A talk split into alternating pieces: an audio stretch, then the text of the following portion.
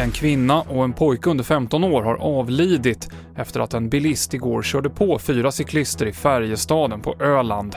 Två personer blev lindrigt skadade och boende i närheten är chockade, säger TV4s reporter Rafael Sisask som rapporterade från olycksplatsen tidigare i morse.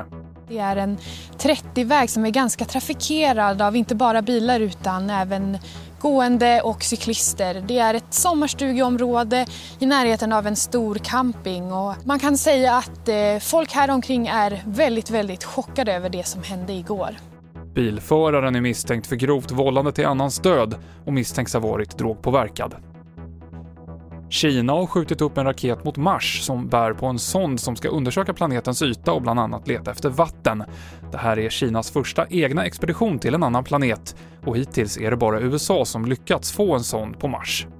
Och lämna tillbaka våra bronsbyxor, det begär Turkiet av svenska myndigheter.